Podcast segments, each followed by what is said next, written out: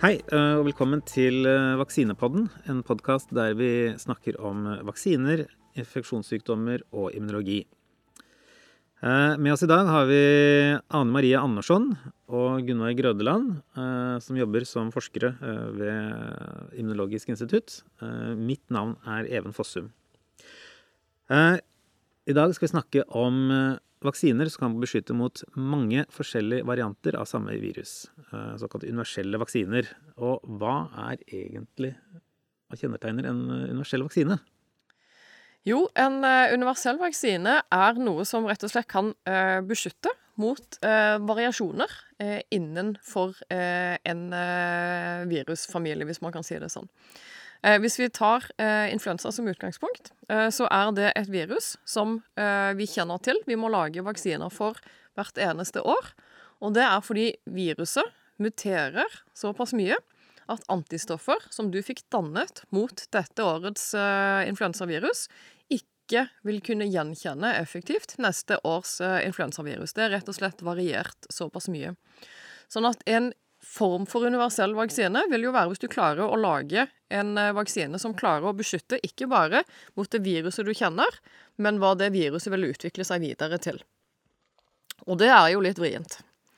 Eh, det er eh, basert på mutasjoner som oppstår tilfeldig når viruset formerer seg. Hver gang arvematerialet i viruset kopieres, så vil det kunne oppstå rett og slett lesefeil. Sånn at det blir små endringer hele tiden. Um, ja. Det er en form for uh, universell influensavaksine. Og så har du jo òg selvsagt det at det er mange uh, forskjellige typer influensavirus. Uh, sånn at selv hvis du har beskyttet uh, f.eks. mot det vi kaller H1N1, så er ikke du nødvendigvis beskyttet mot H2N2. Sånn at en universell vaksine kan òg beskytte mot ulike typer influensavirus, ikke bare de som har um, endra seg ved tilfeldig mutasjon, men òg de som opphavlig var litt annerledes. Mm. Så vi kan se oss for oss å lage en vaksine som faktisk beskytter mot Der du tar én eh, vaksine som beskytter mot eh, eh, altså influensavirus som vil dukke opp i flere år fremover. Ja, og kanskje til all framtid, hvis man er superheldig. Og, ja. Et viktig, viktig aspekt av det her vil jo kanskje være ved potensielle pandemier. Eh, at man da faktisk kan få Én ting er sesonginfluensa, men at du da har økende grad av beskyttelse mot eh, potensielt farlige og helt nye influensavarianter som dukker opp. Det er absolutt eh, en del av det. Fordi disse her små, gradvise mutasjonene som sakte eh, utvikler viruset, så det er litt forskjellig enn det det var forrige sesong, er jo én måte influensaviruset kan endre seg på. Men den andre store, viktige måten influensaviruset kan endre seg på, er ved at det skjer større endringer, f.eks. ved at en, et dyr eh, blir infisert av to helt forskjellige influensavirus samtidig. De så bytter arvemateriale, og det dannes en helt eh, ny og ukjent variant som vi mennesker aldri har sett noe som ligner på noen gang tidligere. Eh, og da kan man få en influensapandemi. Og pandemi er jo noe vi alle har fått kjenne på kroppen det siste ja, snart året. Um, og det er jo absolutt noe man ønsker å, å forebygge med universelle influensavaksiner. Og dette her er jo vanskelig, ikke sant? for det er jo som å spå i fremtiden. Vi vet jo ikke, vet jo ikke hvordan disse her endringene vil se ut når de skjer. Um, men da må man jo prøve å basere seg på det man faktisk vet om influensavaksiner, eller influensavirus, når man skal lage disse her vaksinene. Um, og det vi vet om influensa, er jo at det er et eh, virus, og et virus som har noen overflateproteiner og de overflateproteinene de har vi studert eh, i de variantene av influensa som eksisterer. og kanskje det viktigste overflateproteinet å snakke om er det som heter hemaglutinin. Og det kommer i mange forskjellige subtyper, og varierer ganske mye eh, mellom ulike subtyper av influensa. men det som også er viktig med hemaglutinin, er at det er enkelte deler av det proteinet som ikke varierer så mye. Eh, så én mulig strategi for å lage en universell influensavaksine vil jo være å prøve å angripe de delene av det proteinet som ikke eh, varierer. For der vil man kanskje tro at det også vil holde seg til fremtidige, fremtidige utgaver av viruset. Mm. Så, øh, men for å gå litt mer inn på sånn type mekanisme her, altså hva det er som faktisk gir beskyttelse. Hvordan ser dere for dere at dere da skal oppnå, eller hva tenker dere som kan være den beskyttende faktoren på disse eh, hva slags responser ønsker man, da, fortrinnsvis mot disse konserverte eh, områdene. Disse, disse områdene av hemagglutinin som da ikke endrer seg så mye. Ja, kan, Det er forskjellige løsninger, eh, men en av de tingene eh, som du kan eh, ønske, er eh, det vi kaller for nøytraliserende antistoffer, og som man nå vel òg har fått kjennskap til eh, gjennom korona. Eh, nøytraliserende antistoffer har den effekt at de, de kan ta og blokkere binding mellom virus og den cellen som det skal infisere. og så er det så interessant at veldig ofte de områdene som muterer enklest, er nettopp de setene hvor du ser binding mellom virus og vertscelle. Uh, men de siste årene har man faktisk òg sett at det er mulig potensielt sett å danne nøytraliserende antistoffer mot andre deler av viruset som faktisk er litt mer bestandige og ikke muterer så ofte. Eh, og helt kort, når de er mer bestandige, så er det fordi det er forskjellige strukturer eh, eller deler som er helt nødvendige for at eh, viruset skal kunne oppfylle sin funksjon. Eh, altså deler hvis du tar og endrer de og muterer de, så mister viruset f.eks. sin evne til å trenge inn i celler eller formere seg effektivt på en eller annen måte. Eh, og områder som er helt kritiske, vil ikke tåle noe særlig variasjon. Eh, og det er mange forskjellige typer antistoffer. Og ved siden av disse nøytraliserende så har du antistoffer som kan gjenkjenne et virus og eh, rett og slett merke det, sånn at andre deler av immunsystemet skjønner at her er det noe fremmed, og så komme til å degradere viruset. det er en annen mekanisme. Sånn at antistoffer Eh, bør nok være en del av løsningen for hvordan du skal oppnå en eh, universell vaksine, i hvert fall. Mm. Men ser vi for oss her at du kan få beskyttelse mot alle typer influensavirus? Det, altså, hvor stor er variasjonen når du begynner å se, se utover eh, ja, fra sesong til sesong? Det kommer an på hvor du trekker grensen for influensavirus. Nå har man fire hovedgrupper av influensa A til D. Det vi vanligvis prater om hos oss, i hvert fall, når vi snakker om influensa, er influensa A. Og influensa A kan deles inn i 18 eh, undertyper, eh, som da inkluderer H1N1, som alle har hørt om, regner jeg med, H3N2, som òg er en vanlig sesonginfluensa, og det vi kaller for H5-virus eh, og H7, som er fugleinfluensavirus. Influensa A er den eneste typen som har et pandemisk potensial. Eh, fordi, som Ane sier, eh, det kan oppstå blandinger i dyr av ulike virus. Og det er rett og slett fordi influensa A sirkulerer i veldig mange dyr. Sånn at for å komme til spørsmålet ditt, Even, så er poenget at man kan eh, tenke seg å lage universelle vaksiner mot de 18 undergruppene av influensa A, fordi de har en del felles eh, strukturer, inkludert den stammen som står rett på virusmembranet. Den er felles Det er to hovedgrupper av den, men den er ganske lik mellom flere av de. Og I tillegg så har de deler på hodet som er såpass like at innenfor influensa A så er det tenkbart. Så det er faktisk mulig, ser dere for dere, da, altså få, én som beskytter mot alle relevante influensastammer, i hvert fall. Ja, men så er spørsmålet hva du kaller eh, for beskyttelse. For tror vi at denne vaksinen vil gi 100% beskyttelse mot alle symptomer på sykdom, det er ikke nødvendigvis det man vil oppnå, men man vil kunne oppnå en uh, vaksine som kan beskytte mot alvorlig sykdom, og det kan jo være superviktig i en pandemisk setting. Men eh, vi har jo ikke bare antistoffer som kan gjøre jobben her. Det er jo andre deler av immunforsvaret også, og, og deriblant uh, T-celler. Altså, kan det være aktuelt med tanke på prøve for å oppnå en mer sånn bred beskyttelse mot mange influensavarianter? Absolutt. Vaksiner som eh, gir T-cellebeskyttelse er kjemperelevant når man, når man, snakker om mer bredde da, i den uh, immuniteten som man oppnår. Og T-celler de eh, jobber jo på en litt annen måte enn antistoffer, der antistoffer kjenner igjen på en måte eh, fulle strukturer av viruset, sånn som de ser ut når viruset er helt, eller kanskje i hvert fall stygt opp. så eh, gjenkjenner eh, T-celler bare korte eh, biter av eh, av viruset. Og når man går ned um, og på en måte plukker viruset fra hverandre til sånne korte aminosyresekvenser, så um, vil man også kunne finne korte sekvenser som er like mellom de forskjellige virusene. Og derfor tror man kanskje at T-celler har noe mer potensial for bredde i, i, hva de, i, hva de, kjenner igjen. Eh, så det er absolutt en, en kjempeviktig eh, del av en universell vaksine. Og T-celler virker jo også på en litt annen måte enn en antistoffer i den effekten som, som, de har på viruset. Um, man har også forskjellige typer T-celler. Uh, noen T-celler er viktige for å klare å produsere antistoffer, f.eks., mens andre T-celler går, går, rett og slett direkte på viruset og dreper det på, på forskjellige måter.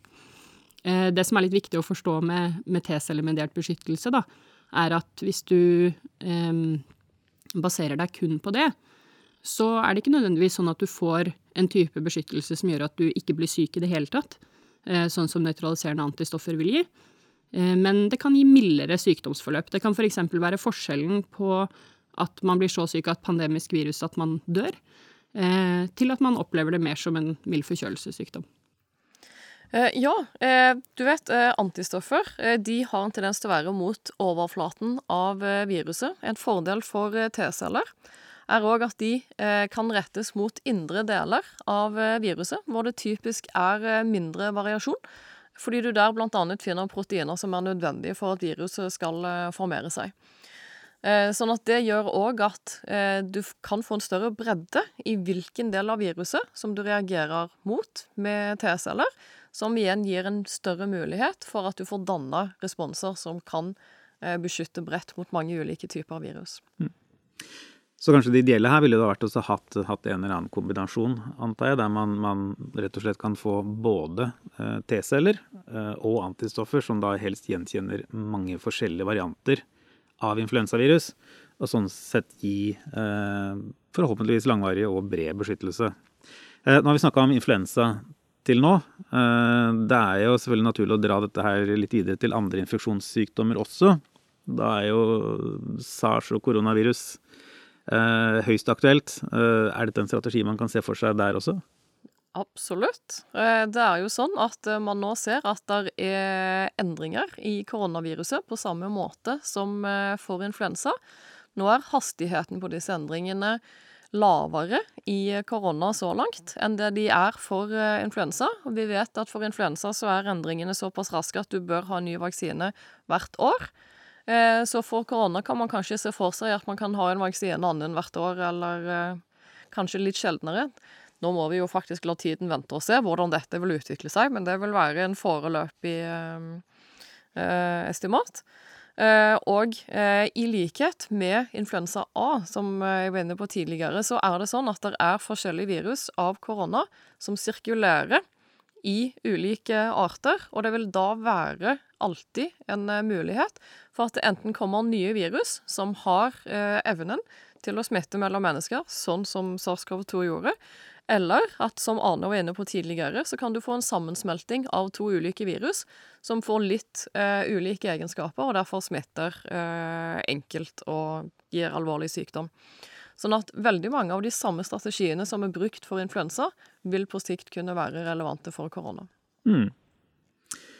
Vet vi noe om dette her egentlig i forhold til koronavirus? Altså, jeg tenker på om det er altså, kryssreaktivitet, hva som, om man kan, kan oppnå dette her. Eh, det er, det er vel kjent en del fra, altså når det gjelder T-celler, at man faktisk har gjort en del studier og sett at uh, T-celler fra tidligere uh, infeksjoner, da, sannsynligvis med disse sesongkoronavirusene, også kan i hvert fall reagere på SARS-koronavirus 2-viruset. og men vet vi noe om dette her egentlig gir beskyttelse mot covid-19?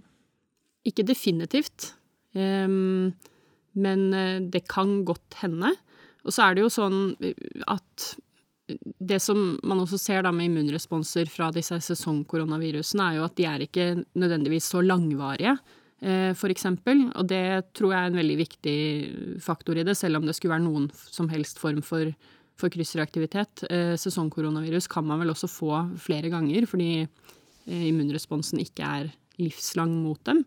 Um, så jeg tror nok ikke det er sånn at det er mange som går rundt og er immune mot uh, SARS-CoV-2 fordi de har hatt et annet koronavirus de siste sesongene. Det tror jeg ikke. Men kanskje for noen så kan immunforsvaret på en eller annen måte være primet, eller litt mer forberedt enn enn det vil være for andre. Men det er jo på en måte litt, litt spekulativt, da. Men dette med T-cellene er jo egentlig ganske interessant, fordi sånn helt konvensjonelle vaksiner, de vaksinene som mange har hørt om, og som mange vet hvordan fungerer, hvor man tar f.eks. et virus, og så inaktiverer man det, eller svekker det, og så gir det som en vaksine, de gjør jo på en måte at man primært danner antistoffer eh, mot viruset. Sånn at de vaksinene som vi bruker eh, nå, eller har brukt historisk, de er ikke så veldig gode til å indusere T-celleresponser. Eh, men de vaksinene som nå er i utvikling mot korona, de baserer seg på helt andre typer teknologi enn konvensjonelle vaksiner, og er potensielt mye bedre til å indusere T-celleresponser. Og det er en av de tingene som jeg syns er veldig spennende, i hvert fall, med å se på, se på det vaksineracet som, som, skjer nå, er jo om man kan eh, få teknologi som nå er tilpasset bruk i mennesker, eh, som gir T-celleresponser, og som deretter også kan brukes mot andre sykdommer, f.eks. influensa. Absolutt. Eh, men en av de store utfordringene her er jo egentlig nettopp det at vi vet ikke helt endelig hvilken type immunrespons som er best å beskytte spesifikt mot SARS-CoV-2. Og da er det vanskelig å peke spesifikt på hva som kunne gi bedre bred beskyttelse. Så det eneste vi egentlig vet, at det må, som Ane sier, det må inkludere T-celler. Det vil sannsynligvis òg inkludere antistoffer, men hva de vil være retta mot for faktisk å få en beskyttende effekt, det eh, er noe vi må finne ut av. Mm. Nå har det vel sett altså fra disse tidligere fase to-studiene som er gjort med, med disse vaksinene, disse RNA-vaksinene kanskje spesielt, som nå nærmer seg godkjenning, at man faktisk får ganske bra T-celleresponser. Eh, altså både disse cytotoksiske T-cellene, som da kan drepe eh, virusinfiserte celler, eh, men også da hjelpecellene som, som TCD4 T-cellene, som det heter, da, som, som hjelper B-celler for å lage antistoffer. Så det ser jo lovende ut, egentlig. Vi snakker litt om dette her som en sånn ny eh, teknologi. Altså, vi har jo ingen universelle vaksiner egentlig ennå. Og dette er noe det forskes eh, mye på rundt omkring i verden. Eh, det er litt, litt sånn den hellige gral innenfor vaksineforskning å kunne lage én optimal vaksine som beskytter mot veldig mye. Eh, men har vi noen indikasjoner på at dette her faktisk fungerer? Altså, jeg tenker på sånn, Hvis vi ser litt tilbake på, på tidligere vaksiner altså. Ja. Um, hvis man går tilbake til influensa da, som eksempel, så var Gunnveig jo litt inne på at, uh, at, vi har sett at det er mulig å danne immunresponser mot disse her områdene som er mer konservert fra virus til virus, og som vi tror også vil være mer konservert i et fremtidig potensielt virus som vi ikke ennå vet hvordan ser ut. Eh, og det har man funnet i mennesker. Man har funnet antistoffer som kan reagere bredt mot, mot flere typer virus. Problemet er at eh, kroppen vår ikke er så god til å produsere de antistoffene av seg selv. Eh, og dette henger sammen med at viruset har utviklet seg sant, til å skjule de delene som er mest viktig eh, for dets egen funksjon og har egentlig ganske avanserte mekanismer for å unnvike den typen eh, immunresponser. Men det at de kan oppstå, forteller oss at vi også potensielt kan lage en vaksine eh, som spesifikt kan hjelpe oss å, å, lage dem. Og det tenker jo jeg er den beste indikasjonen på at dette faktisk er mulig. Eh, ja, eh, og eh, jeg tenker en av de tingene som vi jeg håper i hvert fall at vi ser starten av nå innen vaksineutvikling, er at vi nettopp går fra og som man gjorde med denne vaksinen mot kopper, som jo da de facto var en kukoppervirus som ble brukt mot kopper, så der var det en viss grad av overlapp i de virusene, så du kan på en måte kalle det kryssbeskyttelse, men at vi går fra å rett og slett bare putte inn noe og se om det funker, som du da gjorde, til å selektivt velge bevisst de områdene som vi faktisk er interessert i å danne immunresponser mot, og hvorfor vi vil velge de områdene, og akkurat hvilken type Ikke bare antistoffer generelt vi vil ha mot dem, men hvilken type antistoffer vi spesifikt vil, uh, igangsette mot akkurat de. Men det krever en ganske god forståelse for de ulike virusene. Og det krever at vi får mer immunologisk kunnskap om hva som påvirker immunresponsen, på en helt annen måte enn det vi vet i dag. Man kan jo f.eks. si, ikke sant Vi vet at dette, denne her eh, stammeregionen ikke sant, av hemaglutininproteinet er mer konservert. Hvorfor tar man ikke bare den, da, og så lager man en vaksine av den? Og det er det jo selvfølgelig mange som har prøvd, ikke sant. Det er blitt forsøkt. Og det man ser, er at man får ikke særlig gode immunresponser mot den. Eh, og dessuten er den notorisk vanskelig å arbeide med. Eh, så da er man nødt til å på en måte finne en annen eh, vei inn til å få laget, laget de immunresponsene. En smartere måte, hvor man helt selektivt gjør det Gunnveig sier, da. Ja, og så er det en utfordring med den stammen òg, for den har jeg selv prøvd å lage en vaksine mot.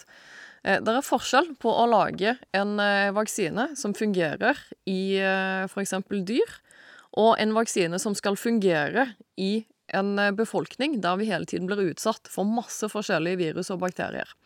Så i tilfelle stamme så ville du kunne eh, vaksinere med eh, en vaksine som ga antistoffer eh, mot stammen, men i hvilken grad de ville bli overtatt av eh, andre, andre, typer antistoff når du faktisk ble eksponert for virus, kanskje ikke bare én gang, men flere ganger, eh, det er noe vi vet veldig lite om. Eh, fordi det er òg sånn at immunsystemet har en forkjærlighet for å danne immunresponser mot utvalgte deler av eh, virusene, og vi vet ennå ikke helt i hvilken grad vi klarer å styre eh, de responsene. Mm. En liten ting. Vi har jo egentlig i dag også altså, andre vaksiner som beskytter mot mange forskjellige varianter eller, av, av, virus. Deriblant så har vi jo altså Gardasil-vaksinen. Eh, det er Lagardasil 9 som da beskytter mot ni forskjellige varianter av, av HPV-viruset. Eh, egentlig, altså, er dette her en universell vaksine, eller hvordan vil eh, man forklare forskjellen på det og det egentlig det dere jobber med? Ja, Gardasil er et eksempel. Um, Pneumokokkvaksinen mot lungebetennelse er et annet, hvor man har tatt mange forskjellige typer av et eksisterende virus eller bakterie og blandet sammen i en vaksine. Eh, forskjellen på de vaksinene og en, en helt sånn reell, universell vaksine er at eh, f.eks. med Gardasil så beskytter man jo mot eh, forskjellige typer HPV-virus som allerede er der, og som man vet at er der, og så beskytter man mot de helt spesifikt ved å gi alle i samme vaksine. Men med en universell vaksine så er egentlig nøkkelpoenget at vi også vil beskytte mot noe som dukker opp i fremtiden, som vi ikke vet at er der ennå. Eh, så det er på en måte essensforskjellen mellom de to eh, tingene. Man kan jo også si at sesonginfluensavaksinen er en eh, bredere vaksine, for den inneholder jo nå fire forskjellige typer eh, influensavirus, men vi vet at de er der allerede. Mm. Kan man se for seg at man bare putter inn flere og flere forskjellige varianter av en sånn virus, eller noe, altså dermed på en måte beskytte mot alt? Er det, er det noen begrensninger her i forhold til hvor mange forskjellige virusarmer man kan putte inn i én vaksine? Om det er noen begrensninger? Ja, det er vel, eh, vel en, eller annen, eh, en eller annen uendelighetsbegrensning på det, men man kan absolutt tenke seg det. Det er jo en av de tingene som, som jeg har jobbet mye med i min forskning. Eh, å blande sammen mange forskjellige typer influensavirus.